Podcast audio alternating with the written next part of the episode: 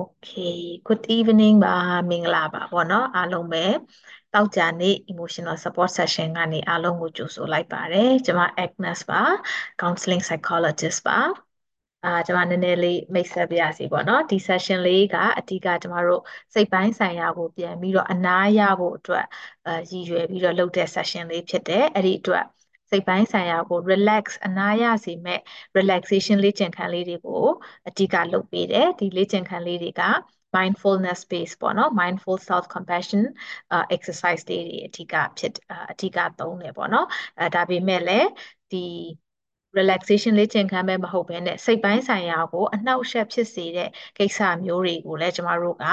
အာမတူညီတဲ့ပေါ့နော်လာစဉ်မှာကောင်းစဉ်လေးတွေခွဲပြီးတော့ဆွေးနွေးပေးတယ်ပေါ့နော်ဘာလို့လဲဆိုတော့အာစိတ်စိတ်နှောက်ယှက်ရှိစရာကြီးကိုမရှိမရှိပါဘူးလို့ဟိုဟာဖြစ်တာမျိုးမဟုတ်ဘူးပေါ့နော်မမြင်ချင်အောင်စောင့်တာမျိုးမဟုတ်ဘူးဖုံးထားဖယ်ထားတာမျိုးမဟုတ်ဘူးရှိတယ်ဘာတွေရှိတတ်လဲဆိုတဲ့ဟာကိုသိတယ်အာကျမတို့ဒီ ဟိုပါပေါ့နော်စိတ်ပိုင်းဆိုင်ရာစကားလုံးအရာပြောနေပြောနေကြမှာတော့တွေးလိုက်တယ်ပေါ့နော် meet with your fear ပေါ့ meet with your feeling ပေါ့နော် meet with your thoughts ပေါ့ကိုယ့်ရဲ့ခံစားချက်နဲ့ကိုတွေးဆုံစကားပြောပြီးတော့အာနားလည်အောင်လုပ်ပြီးတော့မှကိုဘယ်လိုမျိုးဒီခံစားချက်တွေဒီအခက်အခဲတွေကိုဒီအတွေးတွေကိုကြော်ဖြတ်မလဲဆိုတဲ့ဟာကိုအရင်အာနားလည်အောင်လုပ်ပြီးတော့မှနီလန်းရှာတဲ့ပုံစံလေးနဲ့သွားတယ်ပေါ့နော်အဲ့ဒါကြောင့် ဒီနှစ်စပိုင်းမှာကျမတို့ရွေးထားတဲ့ခေါင်းစဉ်ကတော့ February January February နှစ်လလုံးကိုကျမတို့က theme တစ်ခုပဲရွေးထားလိုက်တယ်ပေါ့နော်အဲ့ဒါကဘာ theme လဲဆိုလို့ရှိရင်ဒီ quality of life ပေါ့ကိုယ့်ရဲ့ဘဝကိုအတိတ်ပဲရှိရှိ အာရှင်သန်ဖို့ပေါ့နော်အရေးသွေးများလို့အရေးအရေးသွေးဆိုတော့နည်းနည်းလေးစကားစာဆန်ဆန်ဖြစ်လိမ့်မယ်ပေါ့နော်အတိတ်ပဲရှိရှိနဲ့ဘိုးဘွားလေးကိုအာရှင်သန်နိုင်ဖို့အတွက်ရည်ရွယ်တယ်ပေါ့အဲ့တော့ကိုယ့်ရဲ့ဘဝကိုအတိတ်ပဲရှိရှိဖြတ်တန်းတဲ့အခါမှာဘယ်အစိတ်ပိုင်းတွေပါလဲပေါ့နော်ဘယ်လို component တွေပါလဲအာဒီအတိတ်ပဲရှိတဲ့ဘဝ quality quality ရှိဖို့ဆိုလို့ရှိရင်ကျမတို့နေ့စဉ်မှာဘယ်လိုဘဝရဲ့အစိတ်ပိုင်းတွေက ဒီအတိတ်ပဲရှိဖို့ပျော်ရွှင်ဖို့စိတ်ချမ်းသာဖို့အခက်ခဲရှိရင်လည်းအခက်ခဲမရှိဘူးမဟုတ်ပေါ့နော်အခက်ခဲရှိရင်လည်းဒီအခက်ခဲကိုဖြေရှင်းနိုင်ဖို့နားလည်နိုင်ဖို့ဆိုတော့အာအချက်လေးတွေကိုကျမတို့ကဒီဒီနှစ်လမှာပေါ့နော်ဆွေးနွေးတယ်အဲဘာလို့ဒီနှစ်လနဲ့ဒီအချက်ကလေးတွေကိုဆွေးနွေးလဲဆိုလို့ရှိရင်ဒီခေါင်းစဉ်နဲ့အာ ဒီခေါင်းစဉ်ကိုရွေးဖို့အတွက်ကျွန်မကဒီစာအုပ်လေးပေါ့နော်ကိုကိုကိုကိုယ့်ရဲ့လှုပ်ဆောင်နေတဲ့အရှိန်ကိုလျှော့လိုက်တဲ့အခါကျတော့မှဘဝမှာကိုသတိမထားမိတဲ့အရာတွေကိုပြန်မြင်လာနိုင်မယ်ဆိုတော့အဲဒီ the things you can see only when you slow down ဆိုတဲ့စာအုပ်လေးကနေပြီးတော့ဟို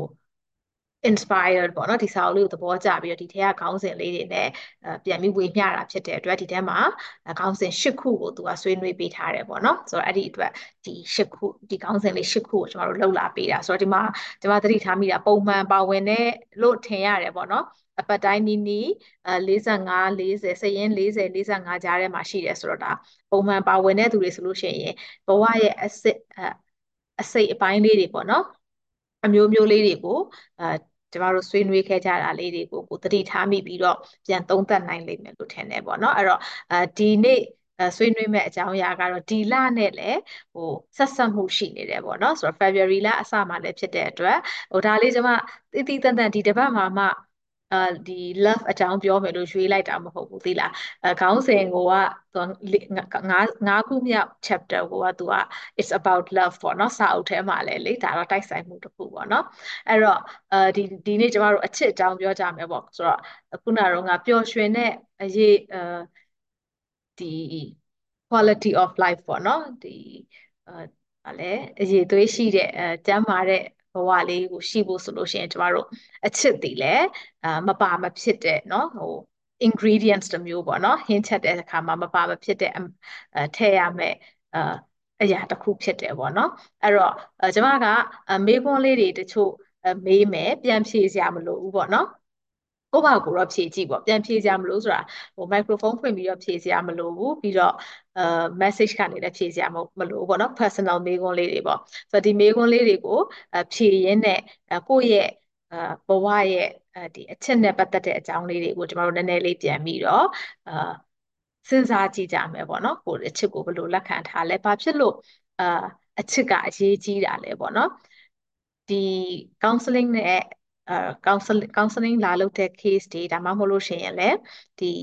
social media မှာတွေ့နေတယ်ပေါ့နော်ကျမတို့အဲတချို့ရင်ဖွင့်တဲ့အကြောင်းအရာတော်တော်များများမှာ relationship နဲ့ပတ်သက်ပြီးတော့အခက်ခဲရှိကြတယ်ပေါ့နော်အဲ relationship နဲ့ပတ်သက်ပြီးတော့ပြောပြကြတယ်ရင်ဖွင့်ကြတယ်အဆင်မပြေမှုတွေကို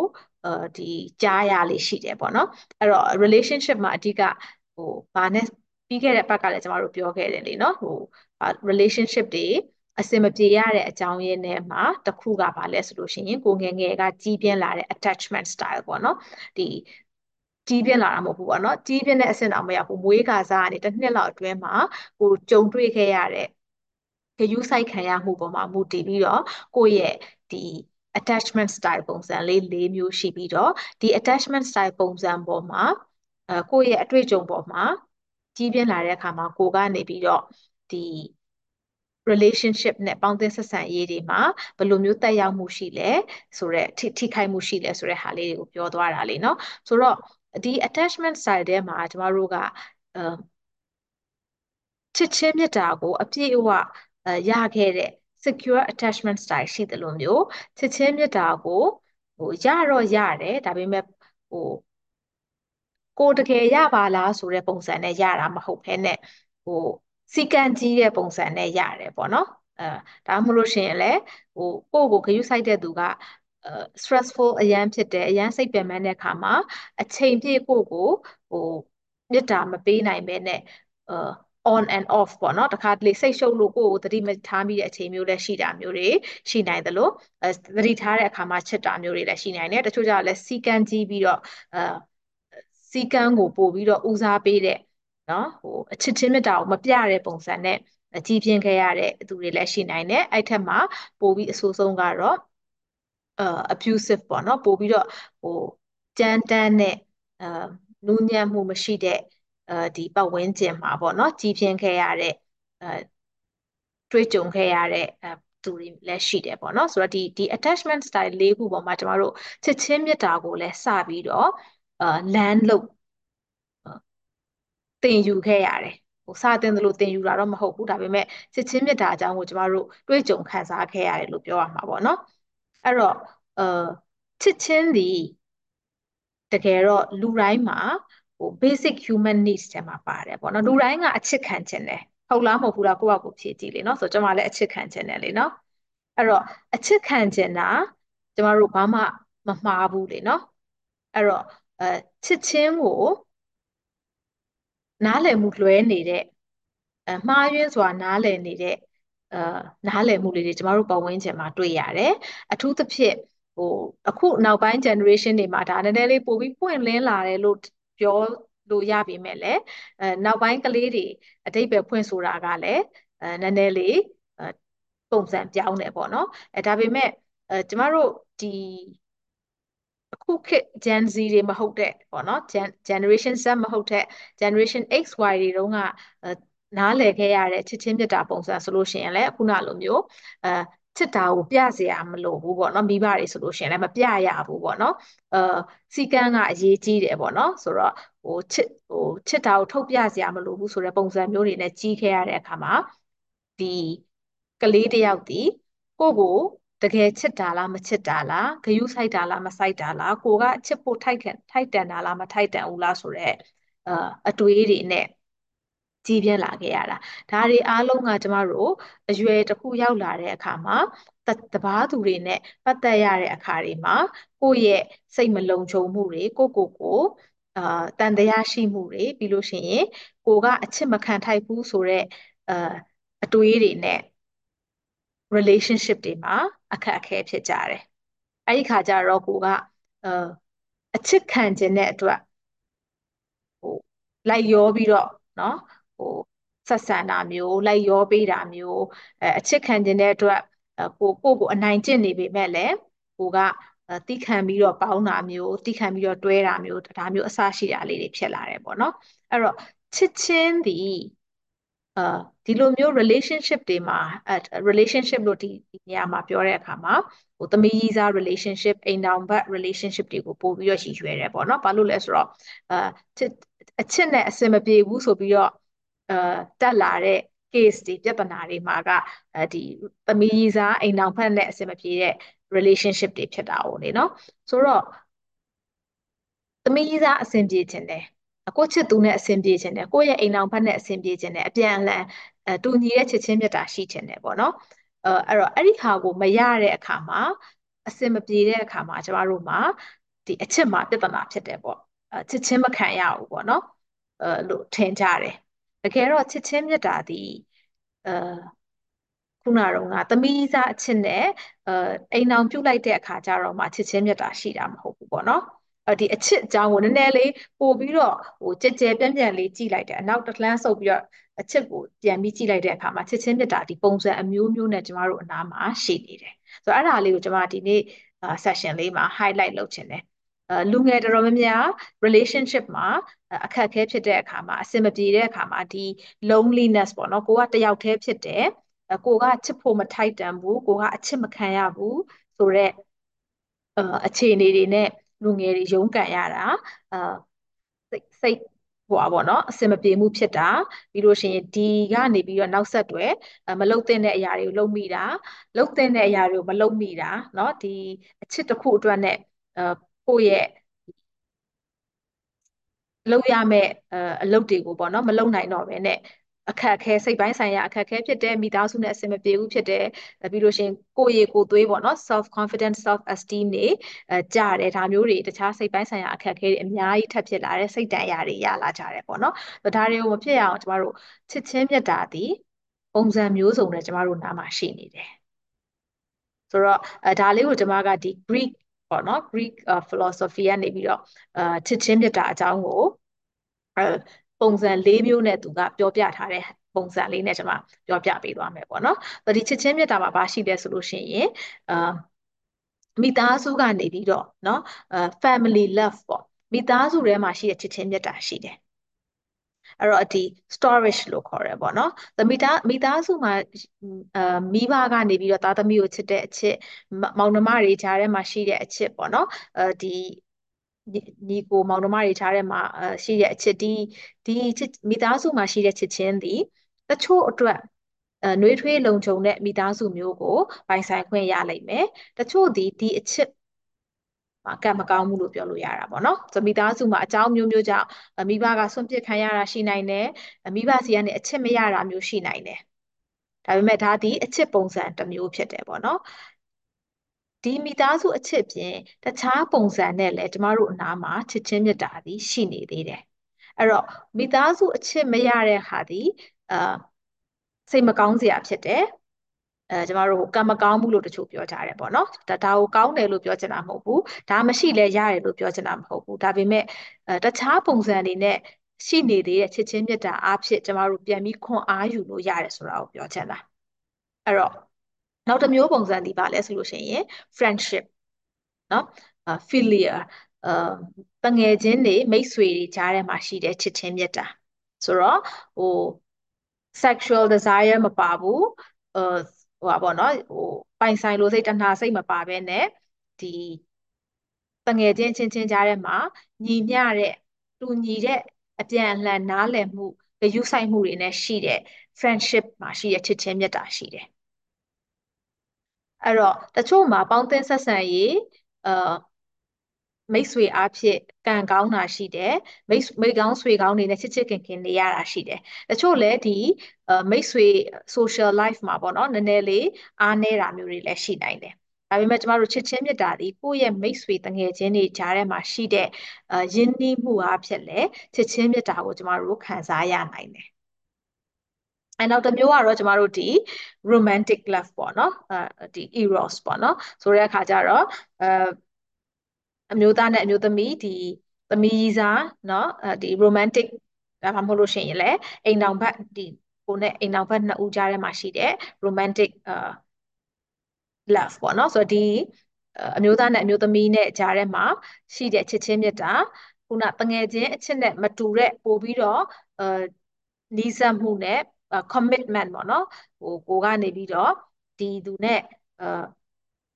ခံယူချက်တစ်ခုဂရိသစ္စာတစ်ခုနဲ့တစ်သက်လုံးသစ္စာရှိမယ်ဆိုတော့အာဂရိကဝတ်နဲ့ပေါ့နော်ပြီးတဲ့အခါမှာဒီ sexual ဟိုဟာလဲပါတယ်ပေါ့နော်ဒီ sexual relationship လဲပါတဲ့ relationship ပေါ့နော် romantic relationship ပေါ့အဲ့ဒါကကြတော့ဆိုတော့ဒီ romantic relationship ရဲ့ပုံစံမျိုးနဲ့ချစ်တဲ့ romantic love ပေါ့နော်ဒီ ခံစားချက်တွေအာခုနကတော့က sex ကိစ္စတွေပါပါ love မျိုးပေါ့နော်အချစ်ပုံစံမျိုးအနောက်နောက်ဆုံးအချစ်တစ်မျိုးပုံစံကကြတော့ဗာလဲဆိုလို့ရှိရင် agape ပေါ့နော်ဆိုတော့ Greek ပုံစံက Greek philosophy ကနေလာတာဖြစ်တဲ့အတွက်ဒီဒီဟိုဟာထဲမှာတော့ရှင်းပြထားတယ်မှာတော့သူကဟိုဖျားစီကနေလာတဲ့အချစ်ပေါ့နော်ဆိုတော့ဟိုဖျားစီကနေလို့လည်းပြောလို့ရနိုင်သလိုဒီဟိုတဘာဝတရားတစ်ခုပေါ့နော်အဲ ဒီကိုယ့်ရဲ့ယုံကြည်သက်ဝင်ရာတစ်ခုကနေပြီးတော့ရလာတဲ့အဲကိုနဲ့ဂျားထဲမှာရှိတဲ့ချိတ်ဆက်မှုဖះစီရရတဲ့အချစ်ဆိုတာလေဖះကကိုယ့်ကိုချစ်တယ်ဖះနဲ့ကိုနဲ့ဂျားထဲမှာရှိတဲ့ချစ်ချင်းမြတ်တာလေနော်ဆိုတော့ဒါဒီလဲဘာသာတရားတိုင်းမှာလဲအဲဘာသာတရားတိုင်းရဲ့လမ်းညွန်နဲ့နော်ဒီလမ်းညွှန်ချက်တွေမှာဆိုလဲမေတ္တာတရားကိုအခြေခံထားတာလေเนาะဆိုတော့ဒီကနေပြီးတော့လဲကျမတို့ကချစ်ချင်းမေတ္တာကို ဘာသာတရားတွေကနေပြီးတော့တဆင့်လဲခံစားရနိုင်တယ်ပေါ့နော်ဆိုတော့ဒီဖျားစီကနေလာတဲ့ agape love ပေါ့ဒါကတော့ unconditional love လို့ပြောရဲပေါ့နော်ဘာကြောင့်မှဆိုတော့အကျိုးအကြောင်းပြချက်မရှိဘဲနဲ့ရတဲ့ချစ်ချင်းမေတ္တာပေါ့အဲ့တော့ဟိုချစ်ချင်းမေတ္တာမှာကျမတို့ပုံစံအမျိုးမျိုးရှိပြီးတော့အကြောင်းအမျိုးမျိုးကြောင့်ကိုသည်ချစ်ချင်းမေတ္တာပုံစံတစ်ခုခုမှာ အားနည်းခဲ့တယ်ကံမကောင်းဘူးလို့ပြောတယ်ပေါ့နော်အခွင့်အရေးအာမရှိခဲ့တာမျိုးရှိမယ်ဆိုလို့ရှိရင်လည်းအဲကျမတို့မှာချစ်ချင်းမေတ္တာကိုခံစားနိုင်တဲ့တခြားတခြားနည်းပုံစံတွေရှိပါသေးတယ်ဆိုတဲ့ဟာကိုပြောပြခြင်းတယ်ပေါ့နော်ဆိုတော့ဒီ relationship မှာပဲဟိုကိုချစ်တဲ့သူကကိုကိုပြန်မချစ်မှာတော့ပေါ့နော်ဒါမှမဟုတ်လို့ရှိရင်အဲကိုကိုရဲ့ဒီတစ်ဖက်သက်ပေါ့နော်ခံစားရတဲ့ခံစားချက်တို့ကိုထားခဲ့ခံရတာတို့ဒါမျိုးမှ အဲချစ်ချင်းမြတ်တာကိုကိုကခံစားနိုင်တာမဟုတ်ပါဘူးပေါ့နော်အဲ့တော့ချစ်ချင်းမြတ်တာဒီသဘာဝတရားထဲမှာလည်းရှိတယ်အဲ့တော့ဒီဖရာသခင်ဆိုတာလည်းဒါကိုကကိုမမြင်ရပဲနဲ့ကိုယ့်ရဲ့ယုံကြည်ယုံကြည်တဲ့အရာတစ်ခုကိုကိုကအာမှန်းပြီးတော့မှ relationship တိဆောက်တာလေနော်အဲ့တော့ခုနအဖျားရယ်လို့မဟုတ်ဘဲနဲ့ကိုနဲ့နေ့စဉ်ထိတွေ့နေတဲ့ဒီ god like ပေါ့ဘာလို့လဲဆိုတော့ဘာသာတရားတွေဖျားတွေကချစ်ချင်းမြတ်တာတွေအမှန်တရားတွေကိုသင်ပေးခဲ့တာလေနော်လမ်းညွှန်ပြခဲ့တာအဲ့ဒီချစ်ချင်းမြတ်တာတွေကကျမတို့အနားမှာပုံစံမျိုးစုံနဲ့ရှိနေတယ်ဟိုနေ့စဉ်မှာကျမတို့ตายရတဲ့เนาะဟိုနေ့နေ့တစ်နေ့ကိုပိုင်ဆိုင်နိုင်တာလဲဒါက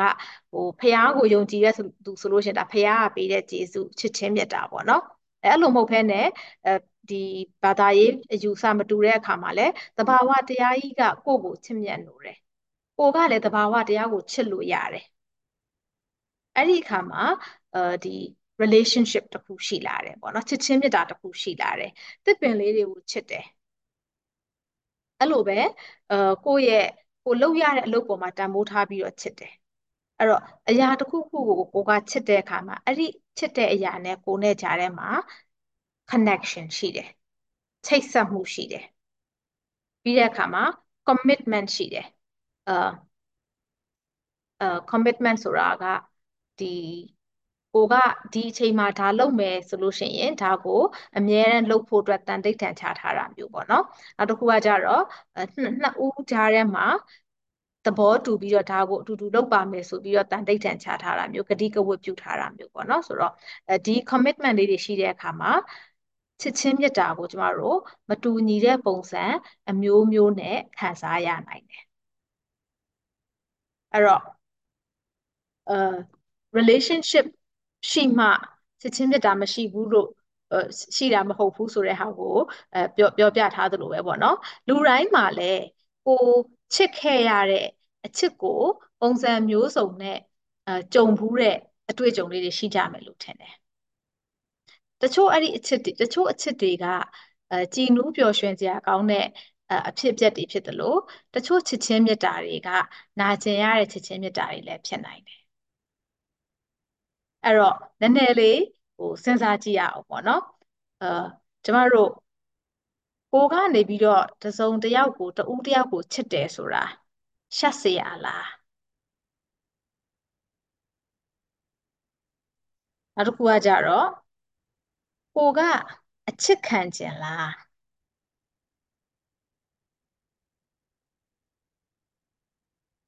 ဒီနှစ်ခုလုံးသည်ကို့မှာလွတ်လပ်စွာခံစားလို့ရတဲ့ခံစားချက်ဖြစ်တယ်အဲ့တော့ ကိုကနေပြီးတော့ခုနအဲတစုံတစ်ယောက်ကိုကိုကချစ်တယ်ပေါ့နော်အဲ့တစုံတစ်ယောက်ကိုကိုကချစ်တဲ့အခါမှာခံစားရတဲ့ခံစားချက်လေးကို ပြန်ပြီးတော့စဉ်းစားကြည့်စေချင်တယ်အဲ့တော့ကိုချစ်ခဲ့တဲ့သူတယောက်အကြောင်းကိုပြန်ပြီးတော့စဉ်းစားကြည့်ရအောင်အဲ့လူကကိုယ့်ကိုပြန်ချစ်တာလည်းဟုတ်ချင်မှဟုတ်လိမ့်မယ် အဲ့တော့ကိုယ့်ရဲ့ဟိုရီးစားဦးကိုမှတ်မိမယ်ဆိုလို့ရှိရင်လည်းကိုယ့်ရဲ့ရီးစားဦးအကြောင်းကိုပြန်ပြီးစဉ်းစားကြည့်ပေါ့နော်အဲအချစ်ဦးဖြစ်ဖြစ်ပေါ့နော်ပြန်ပြီးစဉ်းစားကြည့်ရအောင်သူ့ကိုကိုချစ်ခဲ့ရတဲ့အချစ်ပေါ်မှာအဲ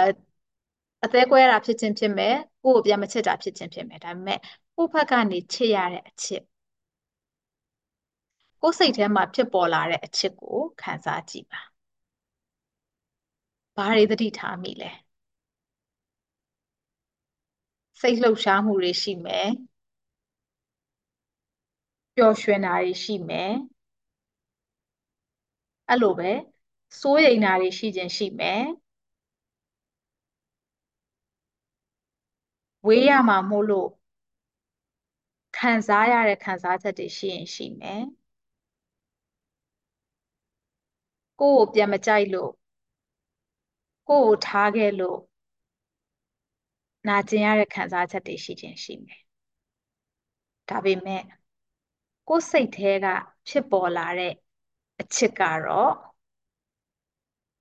ကြည်နူးဖို့ကောင်းတယ်ပျော်ရွှင်ရတယ်ဖြူစင်တယ်တကယ်တော့အတ္တာသည်ပထမအဆင့်ကိုယ်စိတ်ထဲမှာလူတစ်ယောက်ကိုကိုယ်သဘောကျပြီဆိုလို့ရှိရင် ကိုယ်ကိုယ်စိတ်ထဲမှာကြည်နူးမှုဖြစ်တယ်ပျော်ရွှင်မှုဖြစ်တယ်ပြီးတော့မှသာဒီချစ်ချင်းကိုကျမတို့တခြားတစ်ယောက်ကိုချစ်တဲ့သူစီကိုအာဖော်ပြတဲ့အခါဖွင့်ပြောတဲ့အခါမှာအစဉ်ပြေခြင်းမပြေခြင်းပြေပြီးတော့မှမပြေခြင်းတွေလည်းရှိကောင်းရှိနိုင်တယ်။အဲ့ဒီခါကျရင်ကျမတို့စီမှာကပ်ပြီးကြံခဲ့တာကဆွဲပြီးကြံခဲ့တာက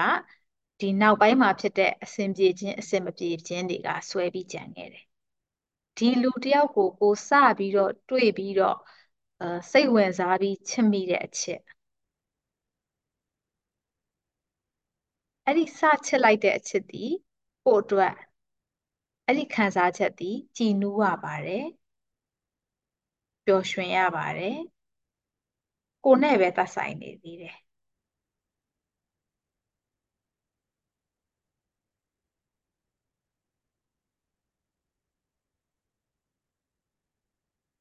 အဲ့တော့အဲ့ဒီအဲ့ဒီ moment လေးကိုကျမတို့ပြန်ပြီးသတိရတဲ့အခါကြလို့ရှိရင်ချစ်ချင်းမြတ်တာသည်ကို့မှာရှိတဲ့ကိုယ့်ရဲ့ခုနတုန်းကပျော်ရွှင်ကြည်နူးမှုကို သူများကိုဝေငှတာပေးလိုက်တာဖွင့်ပြောလိုက်တာဖြစ်နိုင်သလိုဒီနေရာလေးမှာပဲကိုပြန်လာနေလို့ရတယ်လူတယောက်ကိုကိုမုန်းလိုက်เสียမလို့ဒီမှာတော့ ဟိုဒီ session မှာတော့မုန်းတယ်မမုန်းတယ်အထိတော့မသွားဘူးပေါ့နော်ဒါပေမဲ့ခုနဒီကိုယ့်ရဲ့ချစ်ချင်းမြတ်တာအစလေးကိုပြန်ပြီးသတိရစေချင်တာကိုယ့်ရဲ့စိတ်ထဲမှာရှိတဲ့ချစ်ချင်းမြတ်တာဒီပျော်ရွှင်မှုရှိတယ်ကြည်နူးမှုရှိတယ်ဒီပျော်ရွှင်ကြည်နူးမှုတွေကိုကိုသည်ချစ်လို့ရတဲ့အရာတိုင်းပေါ်မှာခံစားနိုင်တယ်အဲ့ကနေတဆင့် ကိုနဲ့ကိုချစ်တဲ့အရာလေးကြားထဲမှာကျမတို့ connection ရှိတယ်ချိတ်ဆက်မှုရှိတယ်အဲ့တော့ဒီမှာနောက်ထပ်အချစ်ပုံစံတစ်ခုပါပါကြံခဲ့တာတော့မဟုတ်ဘူးပေါ့နော်အဲဒီဟိုပါပေါ့ type of love ကိုကျမတို့အဲတချို့က၄မျိုးတချို့က9မျိုးအမျိုးမျိုးပြောကြတယ်ပေါ့နော်ဆိုအဲ့ထဲမှာနောက်ထပ်အချစ်ပုံစံတစ်မျိုးကဘာလဲဆိုလို့ရှိရင်ကိုကိုကိုချစ်ခြင်း self love ပေါ့နော်ဒီ self love ကဘာလဲဆိုလို့ရှိရင်ခုန ဒီကို့မှာပေါ်လာတဲ့ချစ်ချင်းမေတ္တာသည် သူများကိုပေးလို့ရတယ်လို့ကိုကိုကိုလည်းပြန်ချစ်လို့ရတယ်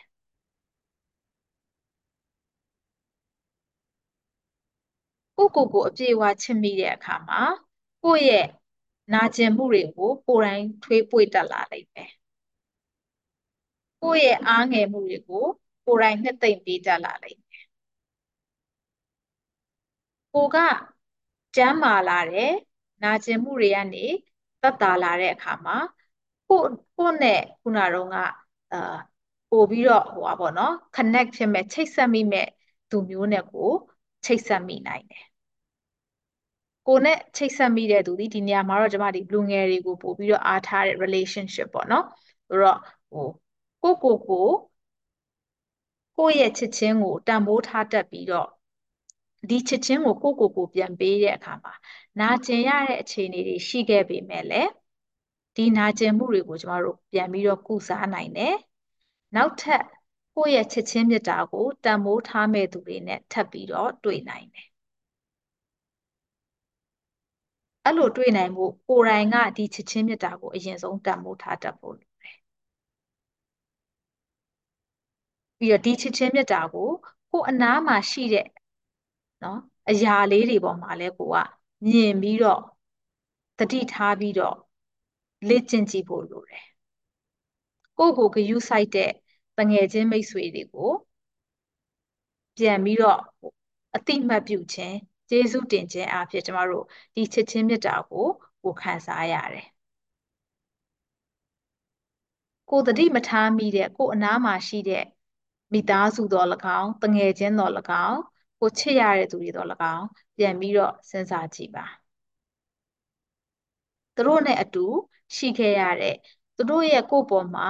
အဲဂရုစိုက်ပေးတဲ့အရာလေးတွေကိုပြန်ပြီးတော့မြင်အောင်ကြည့်ပါအဲ့ဒီအရာလေးတွေကနေတဆင့်ကျမတို့ဒီခုနကတော့ကအဲ romantic love မှာမဟုတ်ဘဲနဲ့ဒီတခြားချစ်ချင်းမြတ်တာပုံစံတွေနဲ့လည်းကိုဒီချစ်ချင်းမြတ်တာကိုခံစားရနိုင်တယ်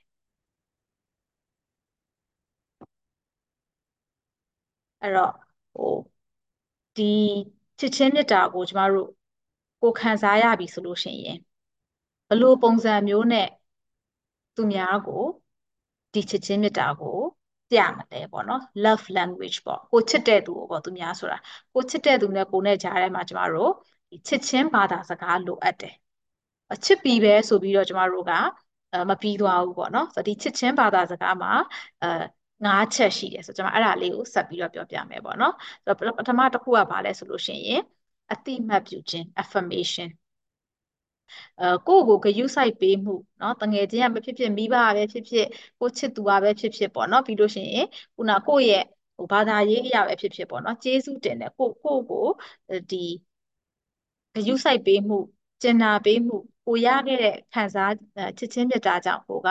ကျေးဇူးတင်တဲ့အတွက် word of affirmation တွေကျေးဇူးတင်တတ်တဲ့အာအတိမတ်အတိမတ်ပြုတဲ့စကားလေးတွေပြောပေးပါကိုယ့်ရဲ့မိသားစုထဲမှာဒါမျိုးပြောနေကြမရှိဘူးဆိုလို့ရှိရင်အာမိသားစုဝင်အချင်းချင်းကြားထဲမှာလည်းဒီ words of affirmation လေးကို practice လုပ်စေချင်တယ်ပြီးတဲ့အခါမှာထွေးထွေးပွေပါအာ physical touch ပေါ့နော်ဆိုတော့ဒီ love language မှာဟိုထိတွေ့ခြင်းကလည်းအရန်ကိုအရေးပါပါတယ်ဆိုတော့ကျမတို့ပြီးခဲ့တဲ့တစ်ပတ်က soothing touch လုပ်ခဲ့တယ်လေနော်ဆိုတော့ဒီအထိအတွေ့ရဲ့အာ power ပေါ့နော်အထိတွေ့ရဲ့အားကတအားကိုဟိုအားကအားပြင်းပါတယ်ပေါ့နော် powerful ဖြစ်ပါတယ်ဒါကြောင့် physical contact လည်းရှိဖို့လိုတယ်နွေးနွေးထွေးထွေးရှိဖို့လိုတယ်အာပွေးဖက်ပါနမ်းရှုပ်ပါเนาะကိုချစ်ရတဲ့သူတွေကို physical touch ရှိပါ contact ရှိပါစေ physical touch ရှိပါစေပြီးရင်အချိန်ပေးပါ quality time နော်အလုံးရှုံနေလို့အလုံးမအားလို့ဆိုတော့နော်အရေးမကြီးပါဘူးအိမ်မှာလည်းအမြဲအမြဲတွေ့နေတာပဲဆိုတာမျိုးမဟုတ်ဘဲနဲ့နှစ်ယောက်အတူ quality time လေးတွေဖန်တီးပေးပါအချိန်လေးရှာပါပေါ့နော် quality time တငယ်ချင်းတွေဆိုလို့ရှိရင်လည်းတငယ်ချင်းတွေနဲ့ဒါ quality time ပေါ့နော်အချိန်အချိန်ပေးဖို့အချိန်ရှာပါပေါ့နော်ပြီးတဲ့အခါမှာ တယောက်နဲ့တယောက်ရဲ့လိုအပ်မှုတွေကိုကိုကပံ့ပိုးကူညီပေးပါသူ့အတွက်အဲဟိုပါပေါ့နော်လှုပ်ဆောင်ပေးရတဲ့ဟို service ပေါ့နော်ဆိုတော့ act of service ပေါ့အဲ့တော့ဟိုပစ္စည်းတော့ဝယ်ပေးရတာရှိခြင်းရှိမယ်မှားတဲ့မှားတဲ့လူကြုံတော့ပို့ပေးရတာရှိခြင်းရှိမယ်เนาะအာ လောက်ရမယ့်စာရွက်စာတမ်းကိစ္စတွေသွားလုပ်ပေးတာရှိချင်းရှိမယ်ဈေးသွားဝယ်ပေးတာလားเนาะကလေးចောင်းကြိုပေးတာလားအစရှိတဲ့ service ပေါ့เนาะဒီ တူနဲ့တူအဆင်ပြေဖို့အတွက်လှုပ်ဆောင်ပေးခြင်းလှုပ်ဆောင်ပေးခြင်းအဖြစ်လဲချစ်ချင်းမေတ္တာကိုပြဖို့လိုအပ်တယ်ပေါ့နော် driver နဲ့အဲဟိုဟာဖြစ်လိုက်မယ်မဟုတ်ဘူးပေါ့နော်အဲပို့လိုက်မယ်မဟုတ်ဘူးပေါ့နော်ကြိုခိုင်းလိုက်မယ်မဟုတ်ဘူးပေါ့ကိုယ်တိုင်ကဒီထမင်းခူပေးတာမျိုးတို့ပေါ့နော်အစားရှိရဒီ service အဲဝန်ဆောင်မှုတော့မဟုတ်ပေါ့လှုပ်ဆောင်ပေးမှုပါဖြစ်ပေါ့နော်တရားနဲ့တရားတစ်ခုခုဒီလှုပ်ပေးတဲ့ service အဖြစ်လဲချစ်ချင်းမြတ်တာကိုပြလို့ရတယ်နောက်ဆုံးတစ်ခုကကြတော့အရေးမကြီးဘူးလို့ထင်ပေမဲ့လိုအပ်ပါတယ်လက်ဆောင်လေးတွေပေးဖို့လိုအပ်တယ်နော်ဆိုတော့ဟိုကြီးမားတဲ့လက်ဆောင်မှမဟုတ်ဘူးဒါပေမဲ့အဲဒီတဦးနဲ့တဦးကြားထဲမှာဘာကြိုက်တက်လဲဘာကိုအဲနှစ်သက်လဲဘာကိုသဘောကျလဲဆိုတဲ့အရာလေးတွေပေါ်မှာကျမတို့ဒီရိုးရှင်းတဲ့အတိတ်ပဲရှိတဲ့လက်ဆောင်လေးတွေကိုလည်းပေးဖို့လိုအပ်ပါတယ်အဲ ပေးတဲ့အကျင့်ကိုလုပ်ဖို့လိုအပ်ပါတယ်ပေါ့နော်ဆိုတော့ဒီ love language ၅ခုပေါ့အဲ့တော့အတိမတ်ပြုတဲ့စကားပြောပေးမယ်အတူတူရှိတဲ့ quality time လေးသတိထားမယ်အဲပြီးလို့ရှိရင် physical touch ပေါ့နော်ခန္ဓာကိုယ်အားဖြင့်အာအထီတွေ့အားဖြင့်ပေါ့နော်ကျမတို့ဒီပွေဖတ်ပေးမယ်ထီတွေ့ပေးမယ်ပြီးတဲ့အခါမှာ service ပေါ့နော် act of service เนาะတယောက်ရဲ့လိုအပ်ချက်အတွက်ကိုတယောက်ကအချိန်ပေးပြီးတော့ ကူညီပံ့ပိုးပေးပေးတာမျိုးရှိမယ်လက်ဆောင်ပေးတာလက်ဆောင်ပေးတဲ့လက်ဆောင်လေးတွေရှိမယ်ပေါ့နော်ဒါလေးတွေအဖြစ်ကျမတို့ကိုယ့်ရဲ့ချစ်ချင်းမြတ်တာကိုပြလို့ရပါတယ်ဆိုတော့အဲချစ်ချင်းမြတ်တာနဲ့ဒီကိုယ့်ရဲ့ quality of life မှာပို့ပြီးတော့အတိတ်ပဲရှိတဲ့ဘဝလေးကိုခုန sorry ကျမအဲ့ဒီအတိတ်ပဲရှိတဲ့ဆိုတဲ့စကားလုံးကိုမေ့မေ့သွားတယ်ပေါ့နော်အတိတ်ပဲရှိတဲ့ဘဝလေးအတိတ်ပဲရှိတဲ့ဘဝလေးကိုကျမတို့အာနေ့စဉ် နေ့စဉ်ပိုင်ဆိုင်နိုင်ပါစေပေါ့နော်ဆိုတော့ဘဝကြီးတစ်ခုလုံးဟိုအရှိကြီးမတွေ့ဘူးကျမတို့ mindfulness ကိုလည်းဟိုဟာအခြေခံတဲ့လေ့ကျင့်ခန်းလေးတွေလုပ်တာဖြစ်တဲ့အတွက်ဒီနေ့တရက်တာအတွက်နော်ငါအတိတ်ပဲရှိတဲ့ဘဝလေးကိုငါပိုင်ဆိုင်နိုင်တယ်ငါအတိမတ်ပြုတယ်အတူတူရှိခဲ့ရတဲ့အချိန်တွေအတွက်ကိုအတိမတ်ပြုတယ်နော် the left language ကိုတော့ကျွန်မဒီဟိုဟာကနေပြီးတော့ page ကနေပြီးတော့ပြန်တင်ပေးပါမယ်နော် မေ့သွားမှာစိတ်မမေ့သွားမှာကိုစိတ်မပူပါနဲ့ပေါ့နော် page ကနေပြီးကျွန်မအဲ့ဒါလေးပြန်ရေးပြီးတော့တင်ပေးပါမယ်အဲ့တော့အခုတော့ကျွန်မတို့ဒီအာကိုချစ်ခင်ရတဲ့သူနဲ့အတူရှိခဲ့တဲ့အချိန်လေးနဲ့ပတ်သက်တဲ့ relaxation လေ့ကျင့်ခန်းလေးနဲ့ဒီနေ့ session ကိုအဆုံးသတ်မှာဖြစ်ပါတယ်အာမိခွန်းလေးရှိလို့ရှိရင်တော့ဖြည့်ပေးမယ်ပေါ့နော်လောလောဆယ်တော့မိခွန်းလေးတွေတော့မတွေ့ဘူး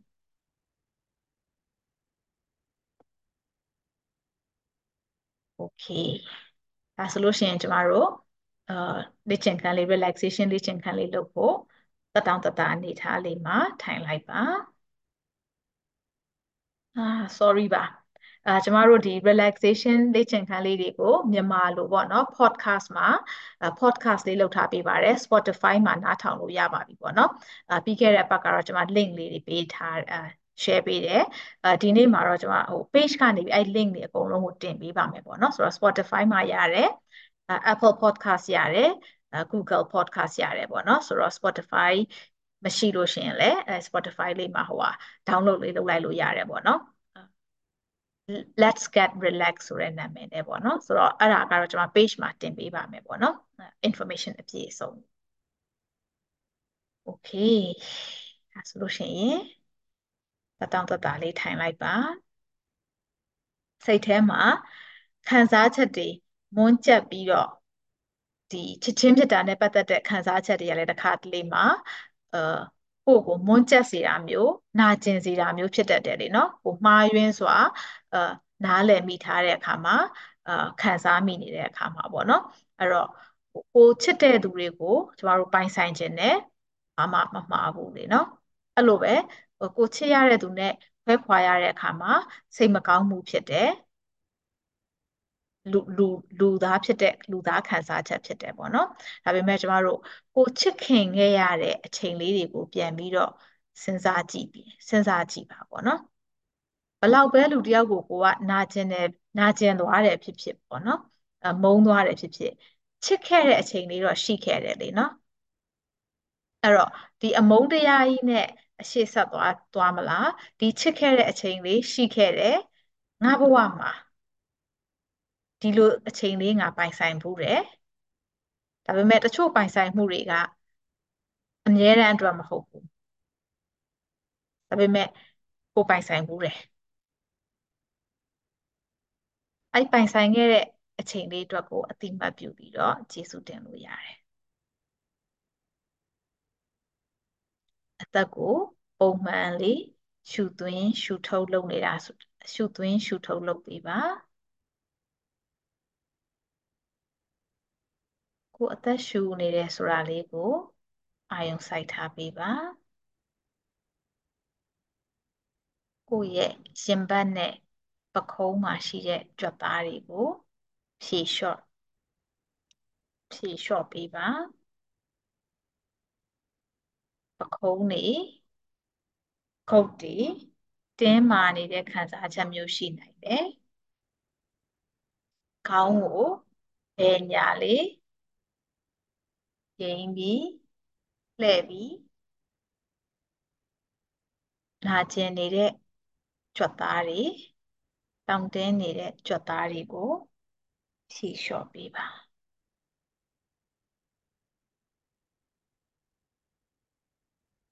ပုံမှန်လေး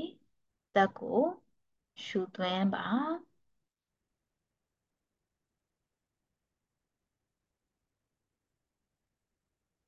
ပြန်ရှူထုတ်လိုက်ပါ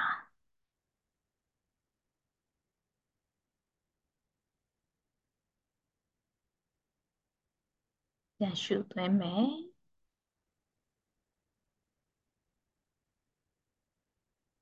ပြန်ရှူထုတ်လိုက်မယ်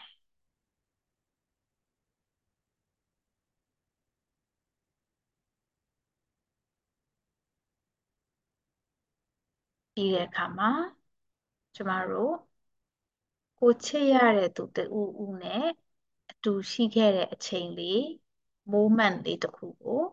ပြန်စဉ်းစားကြည့်ရအောင်ကိုချစ်ရတဲ့သူဆိုတာမိသားစုဝင်တွေလည်းဖြစ်နိုင်တယ်မိတ်ဆွေတငယ်ချင်းတွေလည်းဖြစ်နိုင်တယ်ကိုရဲ့ romantic ပေါ့နော်ကိုရဲ့အဲဒီ partner မျိုး သမီးစားလင်မယားအချင်းအချစ်မျိုးလည်းချစ်တဲ့သူမျိုးလည်းဖြစ်နိုင်တယ်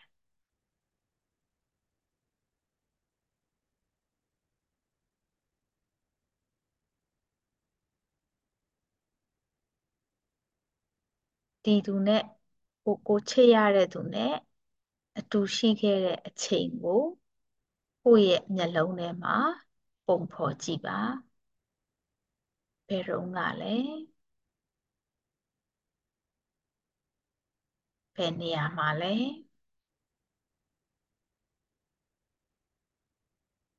အဲ့ဒီနေရာကို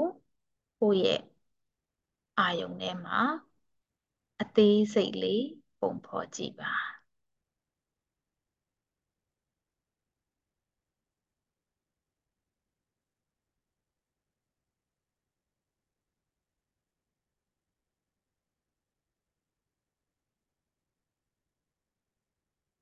အဲ့ဒီနေရာလေးမှာ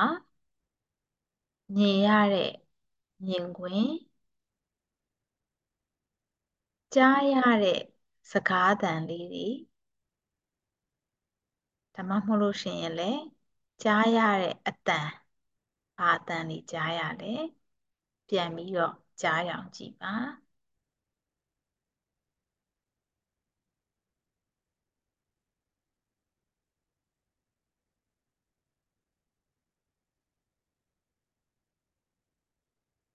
အဲ့ဒီနားမှာအနက်ရနံ့တစ်ခုခုရှိမယ်ရနံ့တစ်ခုခုပြန်ပြီးသတိရတယ်ဆိုရင်လည်းဘာရနံ့လေးလဲပြန်ပြီးတော့သတိထားကြည့်ပါပြန်တွေးကြည့်ပါ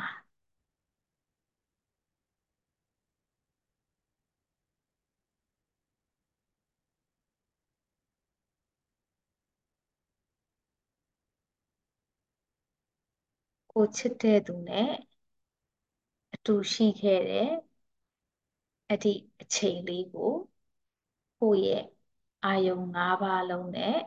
ပြန်ပြီးတော့ခံစားကြည့်ပါ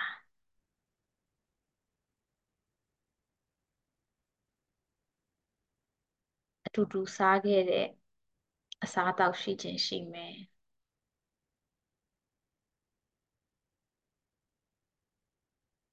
အတူတူအာလုပ်ခဲ့တဲ့အာသွားခဲ့တဲ့နေရာလေးဖြစ်ခြင်းဖြစ်မယ်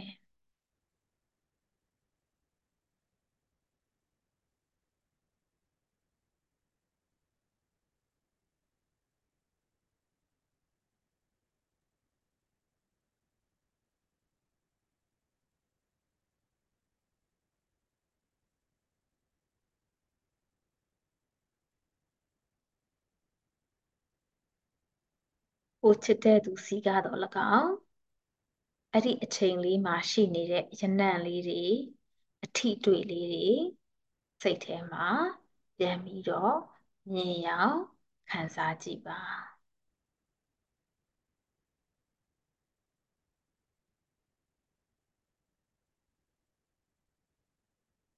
အဲ့ဒီကြည်နူးရတဲ့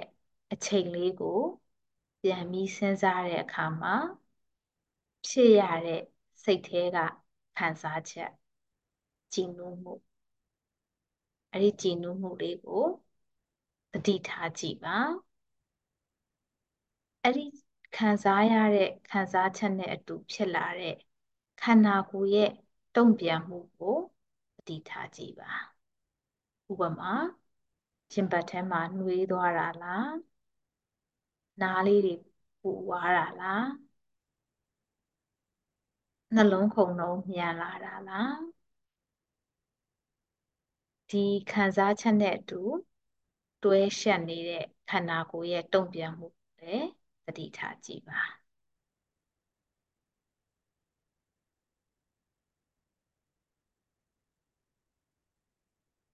အဲ့ဒီခံစားချက်လေးနဲ့အဲ့ဒီတုံ့ပြန်မှုလေးနဲ့ခဏလောက်အတူတူနေကြည့်ပါ အဲ့ဒီအဖြစ်ပြက်လေးအဲ့ဒီ moment လေးဒီခံစားချက်လေးတွေကိုထွေးပိုက်ထားပါအကယ်လို့ကိုက gesture နဲ့ပေါ့နော်ကိုယ့်ရဲ့အာအမူအရာနဲ့ထွေးပိုက်ချင်တယ်ဆိုလို့ရှိရင်လည်းဥပမာရင်ဘတ်ပေါ်လက်ကလေးတင်ထားတာဖြစ်ဖြစ်ကိုယ့်ရဲ့လက်နှစ်ဖက်ကို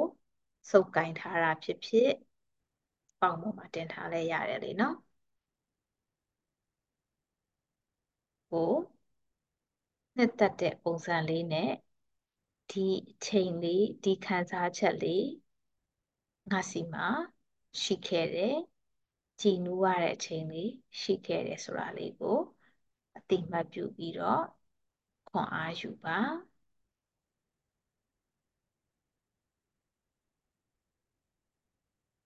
ဒီအချိန်လေးကိုပြန်စဉ်းစားရတာကိုအတွက်စိတ်ကြည်နူးမှုရစေတယ်ဆိုတာလေးကိုသတိထားကြည့်ပါ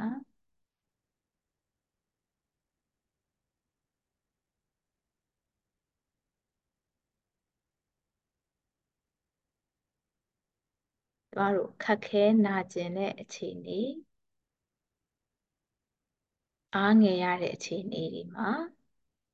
ဒီနေရာလေးကိုပြန်သွားပါဒီအစလေးကိုပြန်သွားပါဒီနေရာလေးမှာအချစ်ရှိတယ်ဒီနေရာလေးဒီကိုကိုကြည်နူးပျော်ရွှင်မှုပေးတယ်နာကြီးမှုတွေမကျေနပ်မှုတွေ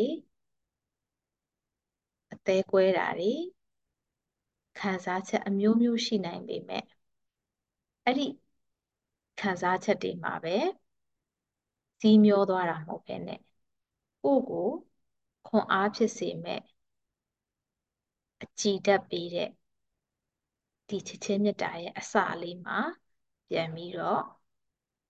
ခွန်အားယူပါကိုယ့်ရဲ့ဖြူစင်တဲ့ခံစားချက်တွေချစ်ချင်းမြတ်တာတွေကိုကိုပြန်တတိရပါအဲ့ဒီအရာဒီအမြဲတမ်းမှန်ကန်နေတယ်ဆိုတာလေးကိုကို သတိပေးပါ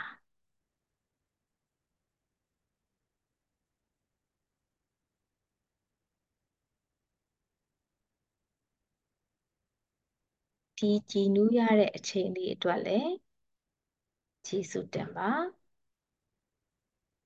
ဒီကြည်နူးရတဲ့အချိန်နဲ့ပတ်သက်နေတဲ့ခုနကိုယ့်ရဲ့ချစ်တဲ့သူဒီနေရာသွားလာခဲ့တဲ့နေရာ ကြုံတွေ့ခဲ့တဲ့အဖြစ်အပျက်အားလုံးကိုစိတ်ထဲကနေပြီးတော့ကျေးဇူးတင်ပေးပါ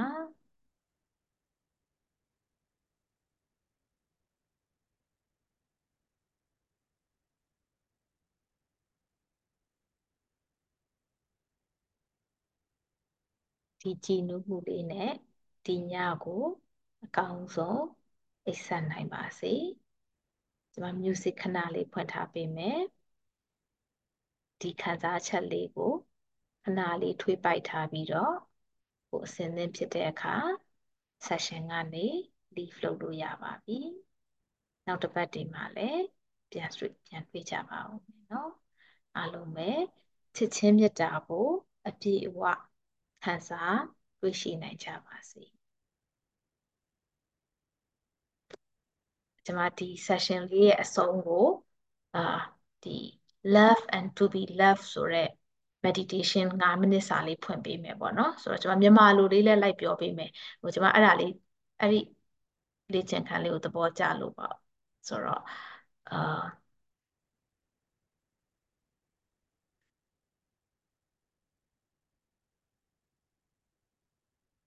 ဒါကတော့ English လို့ဖြစ်နေလို့လေเนาะဒါပေမဲ့ကျွန်တော်နားထောင်နေကြဟာလေးသဘောကျလို့ဒါလေးနဲ့အဆုံးသတ်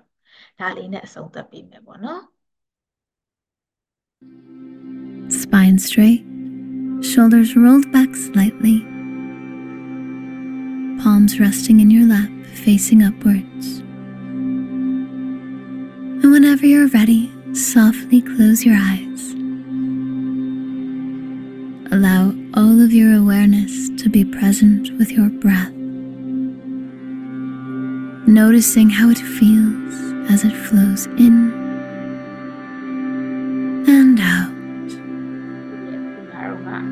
and let your stomach expand fully on every inhale and contract on every exhale. Begin to become more aware of your physical body. Staying connected with this moment through your breath. physical sensations you are experiencing. Feeling yourself anchored into the ground.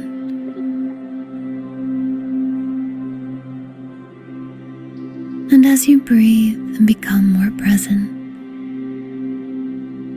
you allow your awareness to center in the middle of your chest.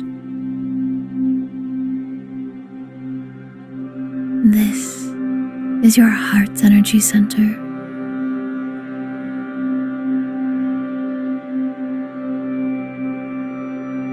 Let yourself breathe in and out of this space. And as you do so, feel it softening.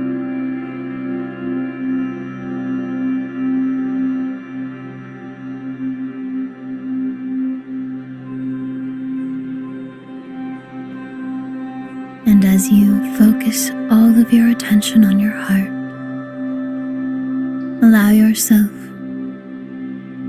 to begin to feel an openness, a willingness, and a readiness to give love and to receive love. Inhale and affirm. I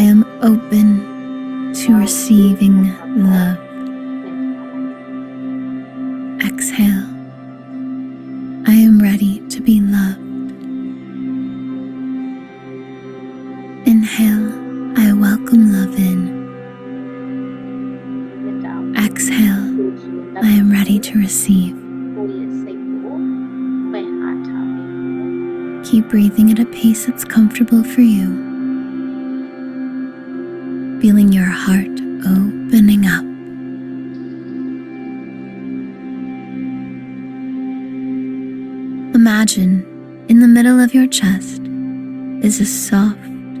pink flower. Feel every petal opening up.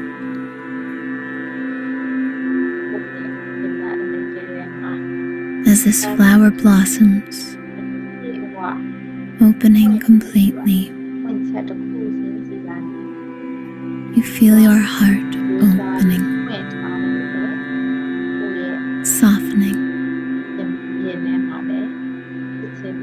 ready to receive.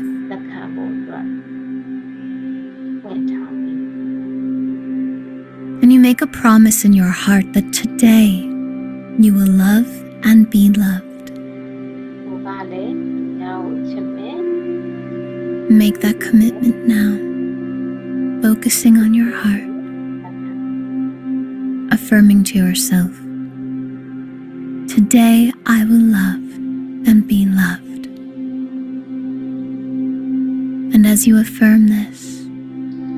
feel the softening in your heart spreading throughout your entire body.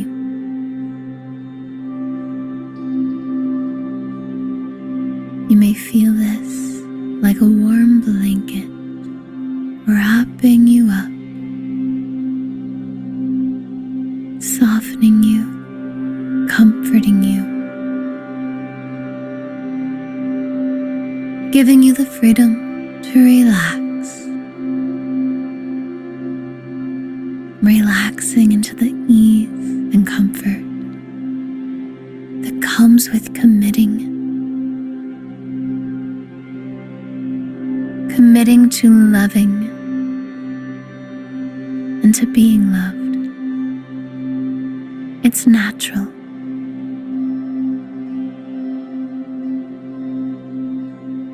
This is who you really are.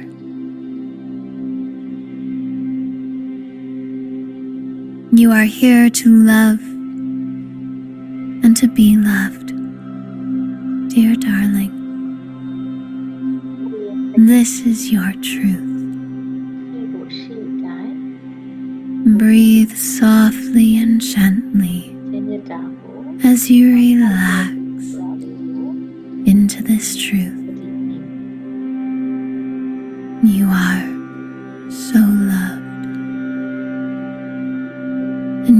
So capable of loving.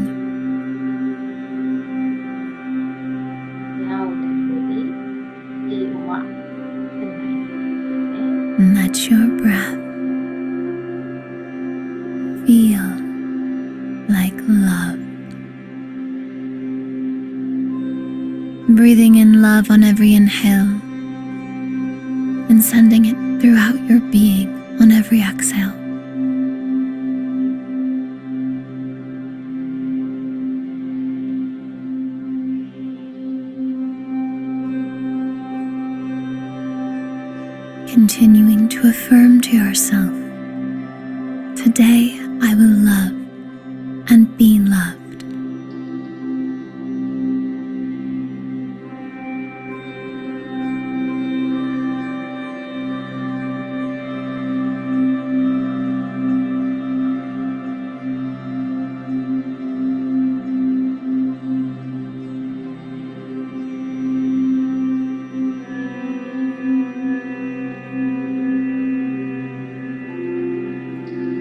There is perhaps no greater purpose for you today than to love and be loved. Receive this truth. Relax into it. You are exactly where you need to be, doing exactly what it is you need to do, hearing the exact message that is meant for you. You are worthy of love, and it is safe for you to give love.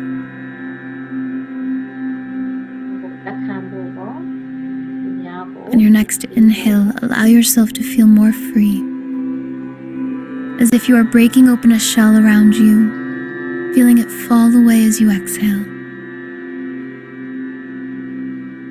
Feel an openness, a willingness, and a readiness to love today. It is safe for you to love.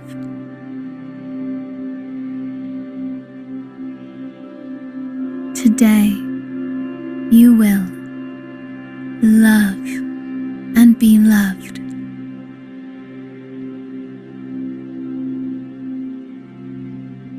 Relax into this truth.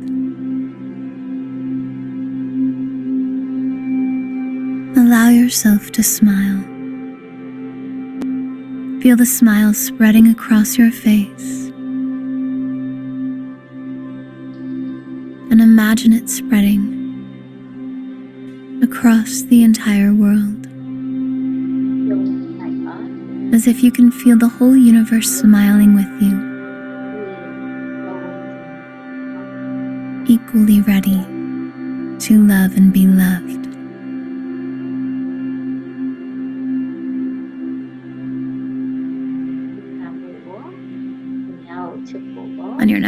Inhale, breathe in extra deeply and hold your breath at the top. Whenever you're ready, exhale with a powerful sigh as you begin to roll your shoulders, wiggle your fingers and toes, and as it feels right to you, open your eyes, going about the rest of your day with love.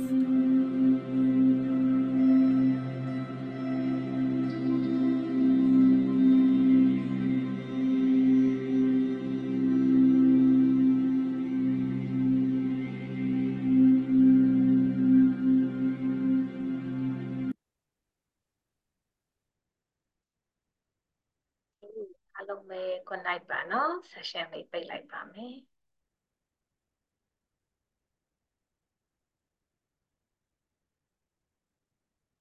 Good night, teacher. Thank you, Pa.